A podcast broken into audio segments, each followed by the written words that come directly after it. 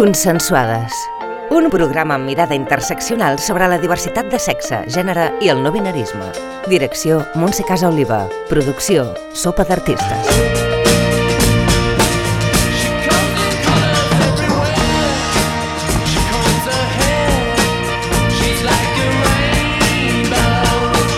Avui parlarem de consens i de com moltes dones que practiquen la dominació consensuen la seva vida amb els seus companys i companyes o esclaus i esclaves, com els anomenen, en un joc sense precedents, on absolutament tot està pactat i té una finalitat, el plaer de l'esclau o esclava per servir a la seva dominatrix o mistres, que són com s'anomenen aquestes dones.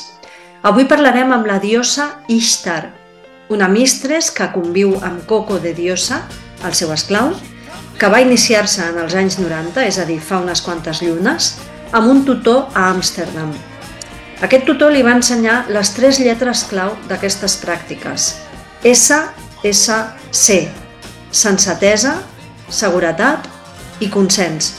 Per a ella, el més màgic és la llibertat que té amb la seva relació de parella, ja que tant ella com ell tenen clar quin és el seu lloc. I això, estimades i estimats, és dificilíssim en una relació de parella heterosexual, donat que els rols imposats a dia d'avui són els del patriarcat. I encara avui en dia, moltes dones se sotmeten als mateixos sense consens, simplement perquè és el que toca, per estalviar-se bronques i perquè ho faig jo més ràpid si t'ho tinc que explicar. En el cas d'una relació de dòmina-esclau, com és aquest cas, hi ha una transformació de les persones, però perquè volen, no perquè estan obligades pel que diran o pels estereotips o pel costum, sinó perquè els hi satisfà i els fa felices.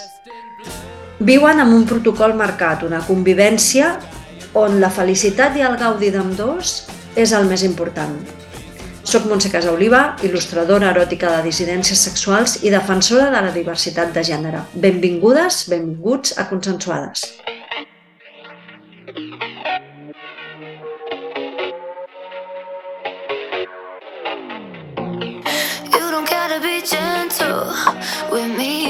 Eh, doncs continuem amb el, en el programa de Consensuades amb la diosa Ishtar, que és una mistres que hem convidat perquè ens expliqui la seva història de vida. Eh, bueno, en primer lugar, gracias Bea por estar aquí y por ayudarnos a poner luz en el mundo del BDSM tan desconocido para la mayoría de gente. Eh, en primer lugar, explícanos de dónde viene el nombre de diosa Ishtar. Vale, Eh, bueno, eh, bien hallada en, en vuestre programa. Eh, volia parlar català, però és que m'agrada tant el català que no vull fer-li mal.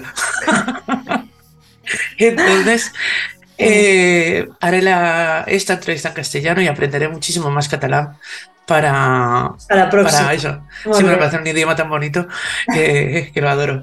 Sí. Eh, el nombre de Diosa Ishtar me lo regaló mi tutor. Me lo regaló mi tutor allá en el 93, 94. Me regaló el nombre porque es la diosa, es una diosa babilónica de- del amor y de la guerra. Y entonces me decía que yo le estaba dando tanto amor como guerra en todo mi aprendizaje, porque, claro, estamos hablando del 93, yo tenía 20 años recién cumplidos. Eh, lo volvía loco, entre preguntas curiosas, yo que soy como un gato, o sea, el pobre hombre sufrió lo suyo, eh, pero me enseñó mucho y fuimos grandes amigos, tanto de él como de, de su mujer, que era su sumisa. Y tuve la gran suerte de que me regaló mi nombre y el cual no me quitaré nunca y, y- y lo adoro, adoro mi nombre. Nombre Perfecto. compuesto, ¿eh? Diosa Ishtar. Diosa Ishtar, sí. A mí Eh, cuando me bueno. llaman Ishtar solo, me quedo Ah, así. ok. Y cuando, y cuando me llaman Diosa ya me he tenido que acostumbrar por culpa de, de todos los amigos y la gente conocida. Sí, sí, se- casi todos. ya, yo, no. la verdad, te, la- te conozco por diosa, sí, sí. Sí, sí, sí. Entonces ya, ¿dónde está la diosa? Sí. ¿qué ha hecho la diosa? ¿Qué ha vuelto a hacer la diosa? Bueno, eh, nos has hablado de tu tutor, que para la gente que nos está escuchando, la mayoría Sí. no saben ni lo que es. Entonces, explícanos un poco cómo te inicias tú en tu rol de mistres y cómo em- eh, te metes en este mundo, vaya, que te Sí. atrae. La verdad que fue muy curioso. Eh, bueno, yo había estado una época así muy, muy hippie, eh, viviendo de artesana, de mercadillos medievales.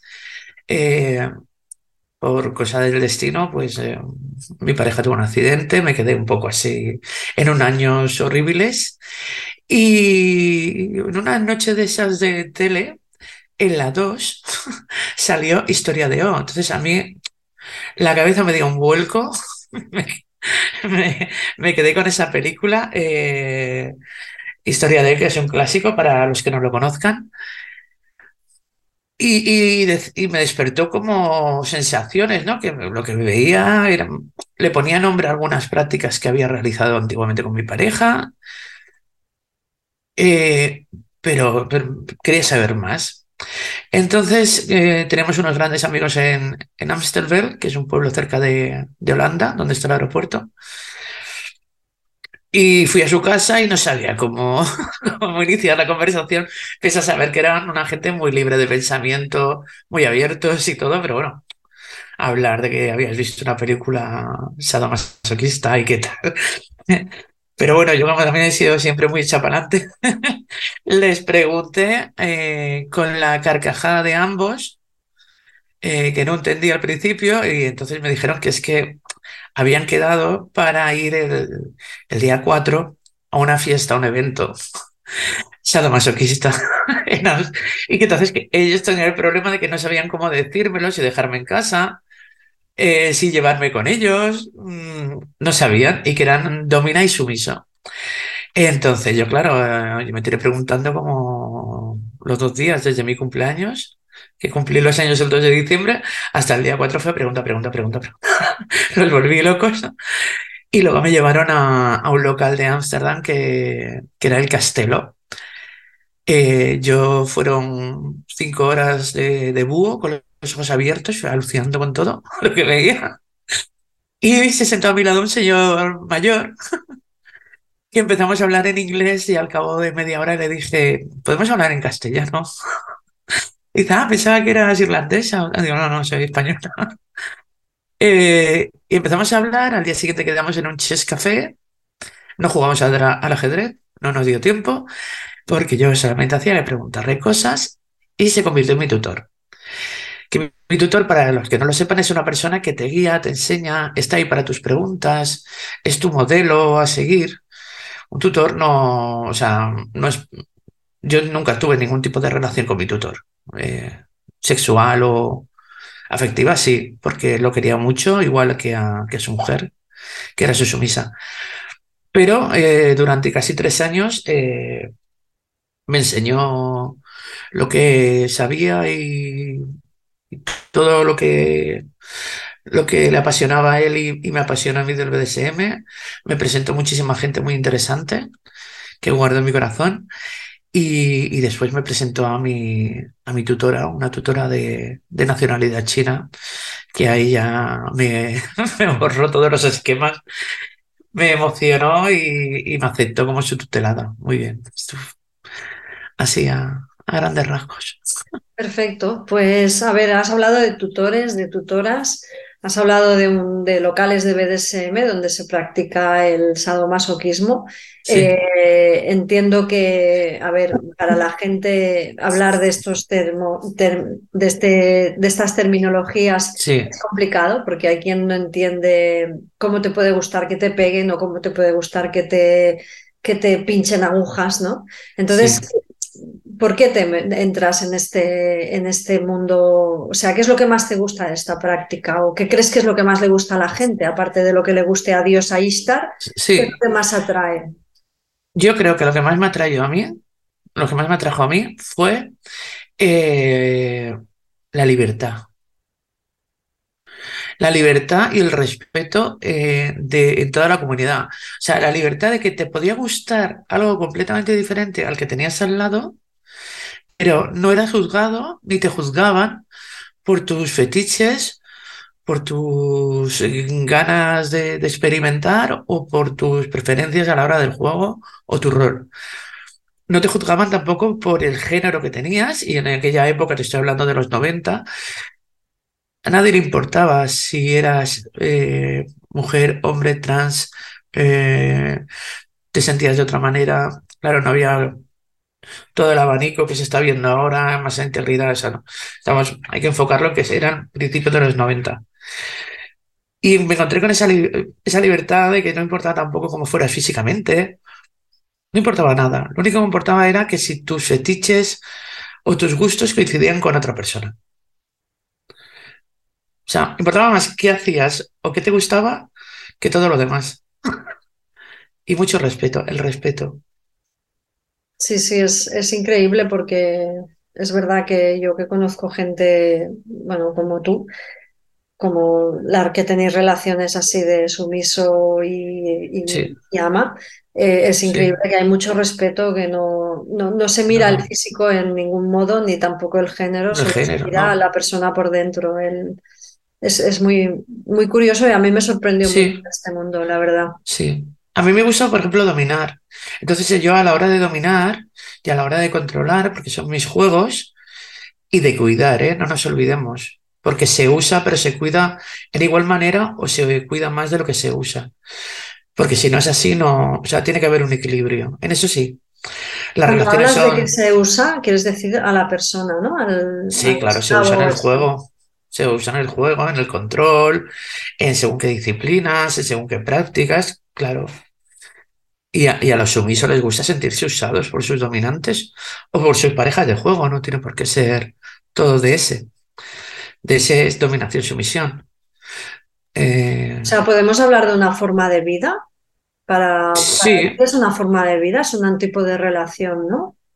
Yo es que ahora mismo, o sea, yo he probado tener relaciones vainillas. Vainillas es lo que los gente del BDSM consideramos eh, relaciones convencionales.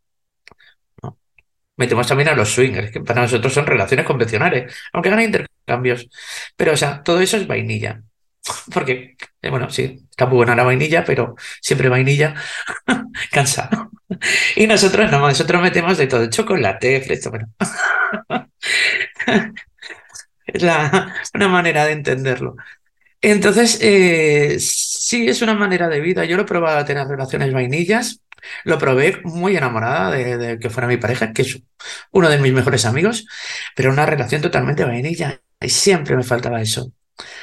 Con mi primera pareja éramos muy libres, éramos muy hippies en la época, muy artesanos, muy mercadillos, cosas de estas. Y oye, totalmente de, libertad y descubrí yo lo que creía que era mi bisexualidad, pero me he dado cuenta que no, que yo no soy bisexual, que soy pansexual. bueno, y con los años vas aprendiendo, te vas, te vas conociendo. Y, y luego tuve una relación solo BDSM, sin nada más. Entonces en todas faltaba algo porque no estaba completa y ahora lo tengo todo. Tengo a mi coco, que es mi relación sentimental, mi relación de pareja, mi compañero, mi amigo, mi acompañante en las locuras, porque estamos los dos zumbados. Pero bien, he visto una cola de gato. Coco entiendo que es tu, pareja actual. sí, es mi pareja, mi sumiso, mi, mi compañero en todo, mi, mi socio, el que me hace reír, el que estoy feliz. O sea, he encontrado todo. Me ha costado, ¿eh? ¿Y cómo es la vida, de pareja de una ama y un esclavo? O sea, ¿en qué, en qué se diferencia de, de estas parejas que tú decías que habías tenido heteros? Sí. La, la diferencia es que o sea, más allá de, los juegos o de que puedes estar en rol y tal, es la, la, libertad de, saber que cada uno tiene su sitio. Cada uno tiene su sitio. Pero luego la vida, eh, por desgracia, eh, no te deja tanto tiempo libre para poder estar haciendo según qué cosas. Hay parejas y vainillas que entre los niños, el trabajo y demás, tienen muy poco tiempo para el sexo.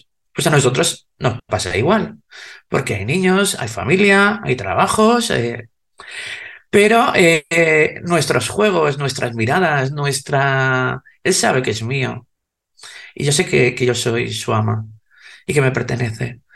Entonces eso está en todo momento y, ya se crea una, una, complicidad de que con una sola mirada ya sabemos que estamos metidos en el rol que luego cuando, que a lo mejor estamos por casa y yo estoy fregando los platos y él está barriendo, ¿sabes?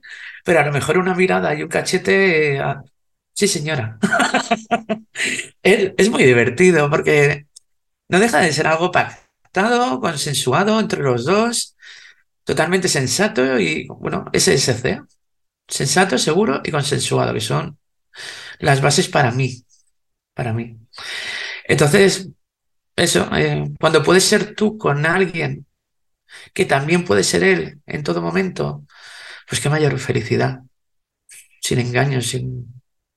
Porque, oye, oyéndote, cualquier hombre que, que, escuchara esta conversación em, se sentiría como, como un calzonazos, ¿no? O sea, como, o viviría la, desde su visión evidentemente normativa, diría, hostia, yo, mm, yo no soy mm. esclavo de nadie, esta tía, ¿qué, le hace hacer, no? Le hace lavar platos, le hace, que es, es el pensamiento sí, ¿no? del patriarcado. Sí, bueno, ando buscando una Sisi, necesito una Sisi que no me da la vida. No me da la vida. Entonces aquí hago un llamamiento a todas las Sisis del mundo. Pero entonces sería, la Sisi sería esclava, no, solo sería Sisi. Sí, sí, yo por ejemplo más sumisos no voy a tener. O sea, mi sumiso es Coco. Porque el resto de personas. ¿Has tenido más de uno? Ha habido intentos, lo que pasa es que es muy complicado. Ahora como está tan marcado eh, la relación, o sea, además Coco cuando yo quiero, Coco se convierte en Lord Fenrir y se convierte en dominante. ¿Por qué? Porque así lo quiero yo. Cuando yo quiero, entonces, y vamos a cazar. y cosas de estas. Son juegos, cada uno tiene sus juegos y eso. Entonces, eh, si entrar algún esclavo, esclava, esclave, me da igual género, o sea, no nos importa su género, ni su condición física, ni su... Eh, o sea, pensamos que todo el mundo, para, para mí todo el mundo es normativo. Yo que soy así. Para mí, ¿quién decide aquí lo que es y lo que no es normativo? Pues para mí todo está bien. Todos los cuerpos son bonitos, todas las capacidades o incapacidades son preciosas y todos los géneros igual. Entonces me da igual me da igual. Y si se anda buscando una Sisi, pero porque sé que hay gente que le gusta que lo instruyan en, el servicio francés.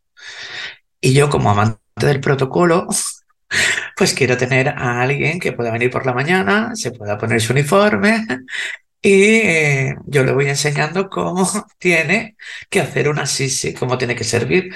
Lo típico, yo que sé, tanto en ovino, lo hemos visto algunos, esta serie, pues eso, tener por aquí una sirvienta. ¿Eres tú?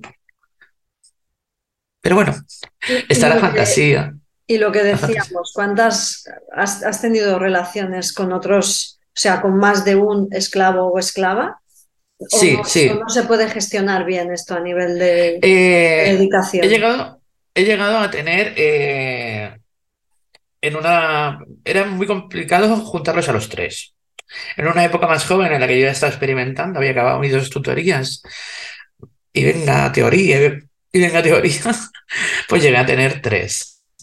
Dos después fueron mis esclavos, mi, mi sumiso y mi esclava, eh, porque eran un hombre y una mujer, y la otra se perdió en el camino, eh, la otra persona, porque no, no cuadró. Y fue muy complicado.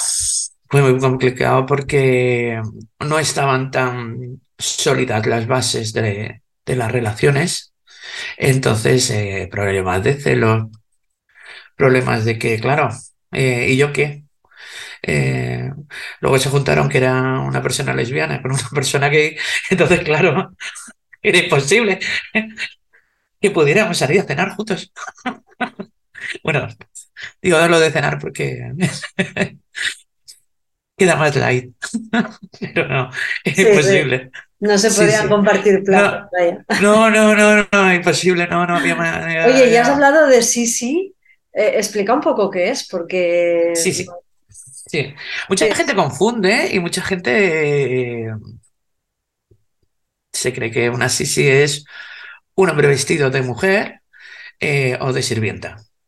Normalmente cuando feminizan a los hombres suele ser en plan así muy humillante y a mí no me gusta la feminización, bueno, esto tienes para programa, ¿eh? con el tema de la feminización, tienes para varios. Porque eh, cada persona es un mundo. Están los crossdressers, están los que no quieren ni ponerlo en inglés y prefieren ser travestis, está la gente que le gusta feminizarse como humillación, y luego, por ejemplo, están los feminófilos, que son hombres heteros que adoran eh, la mujer, eh, el aspecto de la mujer. O sea, adoran tanto lo femenino que les gusta sentirse por un momento vestidos y tal de mujer, pero de mujer, no de de cualquiera con unas bragas y un arnés. No. Pues hacer una transformación real y vestirse de una señora o de una chica normal que puede ir por la calle, que pueda compartir. su ideal sería poder compartirlo con su mujer.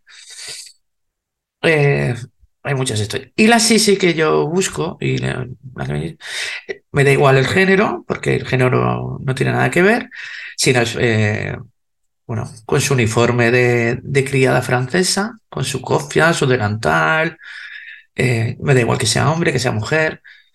Si es hombre y, no le gusta trasvestirse, pues ya mayordomo.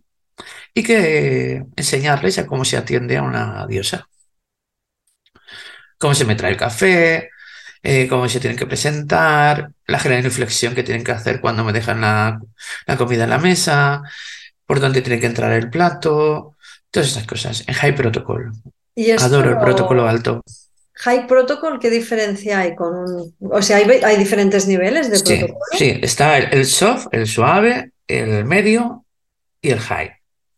El, el, high lo que pasa es que tiene que ser para momentos muy puntuales, muy puntuales, porque sería complicado eh, llevar es muy estresante estar todo el rato con la, con la norma. Entonces, para un evento, para una fiesta, para un fin de semana, para unos días bien, yendo a, ver a la domina, estar unos días en su casa, por ejemplo, eso es, llevable.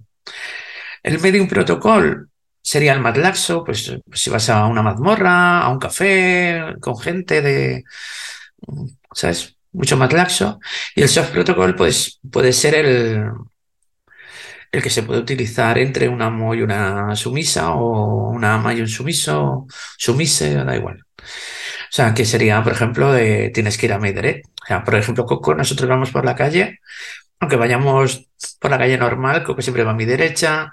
Si a lo mejor vamos con más gente, ya que yo que te despistas, que te puedes hablar con alguien, se pone en la izquierda, me paro lo miro y se gira ya a la derecha.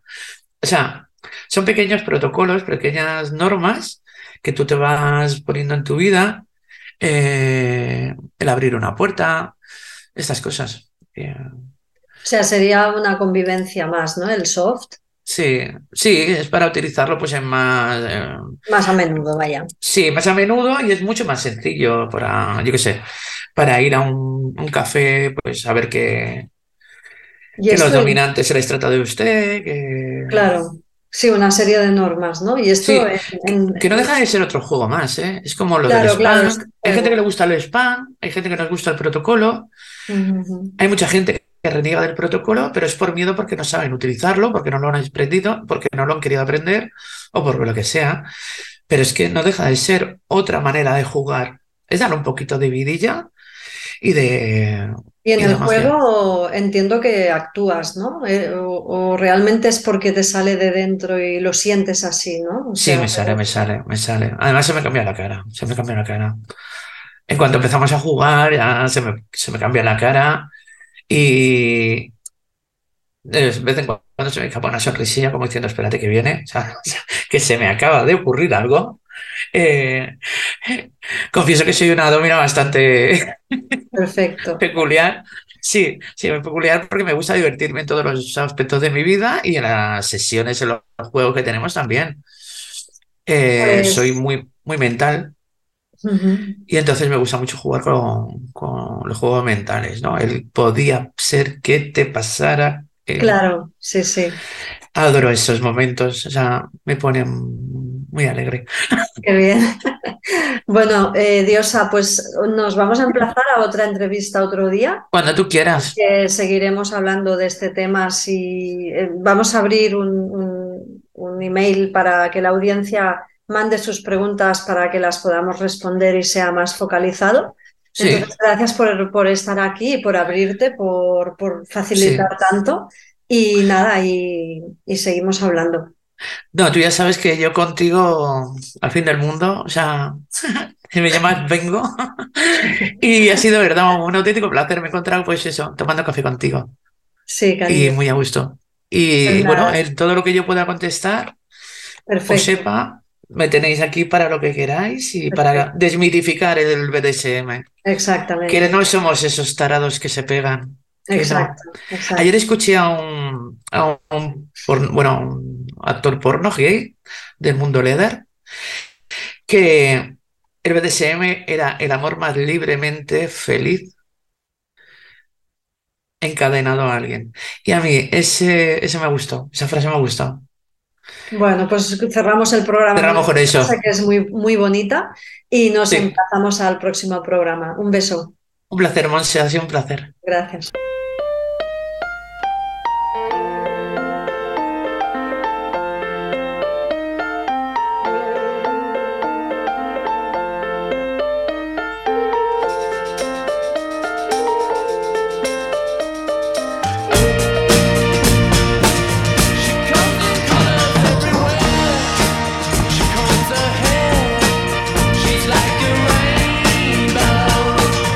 Acabem el programa d'avui recomanant-vos novament les activitats del Centre LGTBIQ de Sitges, Color Sitges Links, on trobareu interessantíssims tallers a la seva web en els que podeu participar per molt poc i aprendre moltíssim. Us els recomanem mil per mil.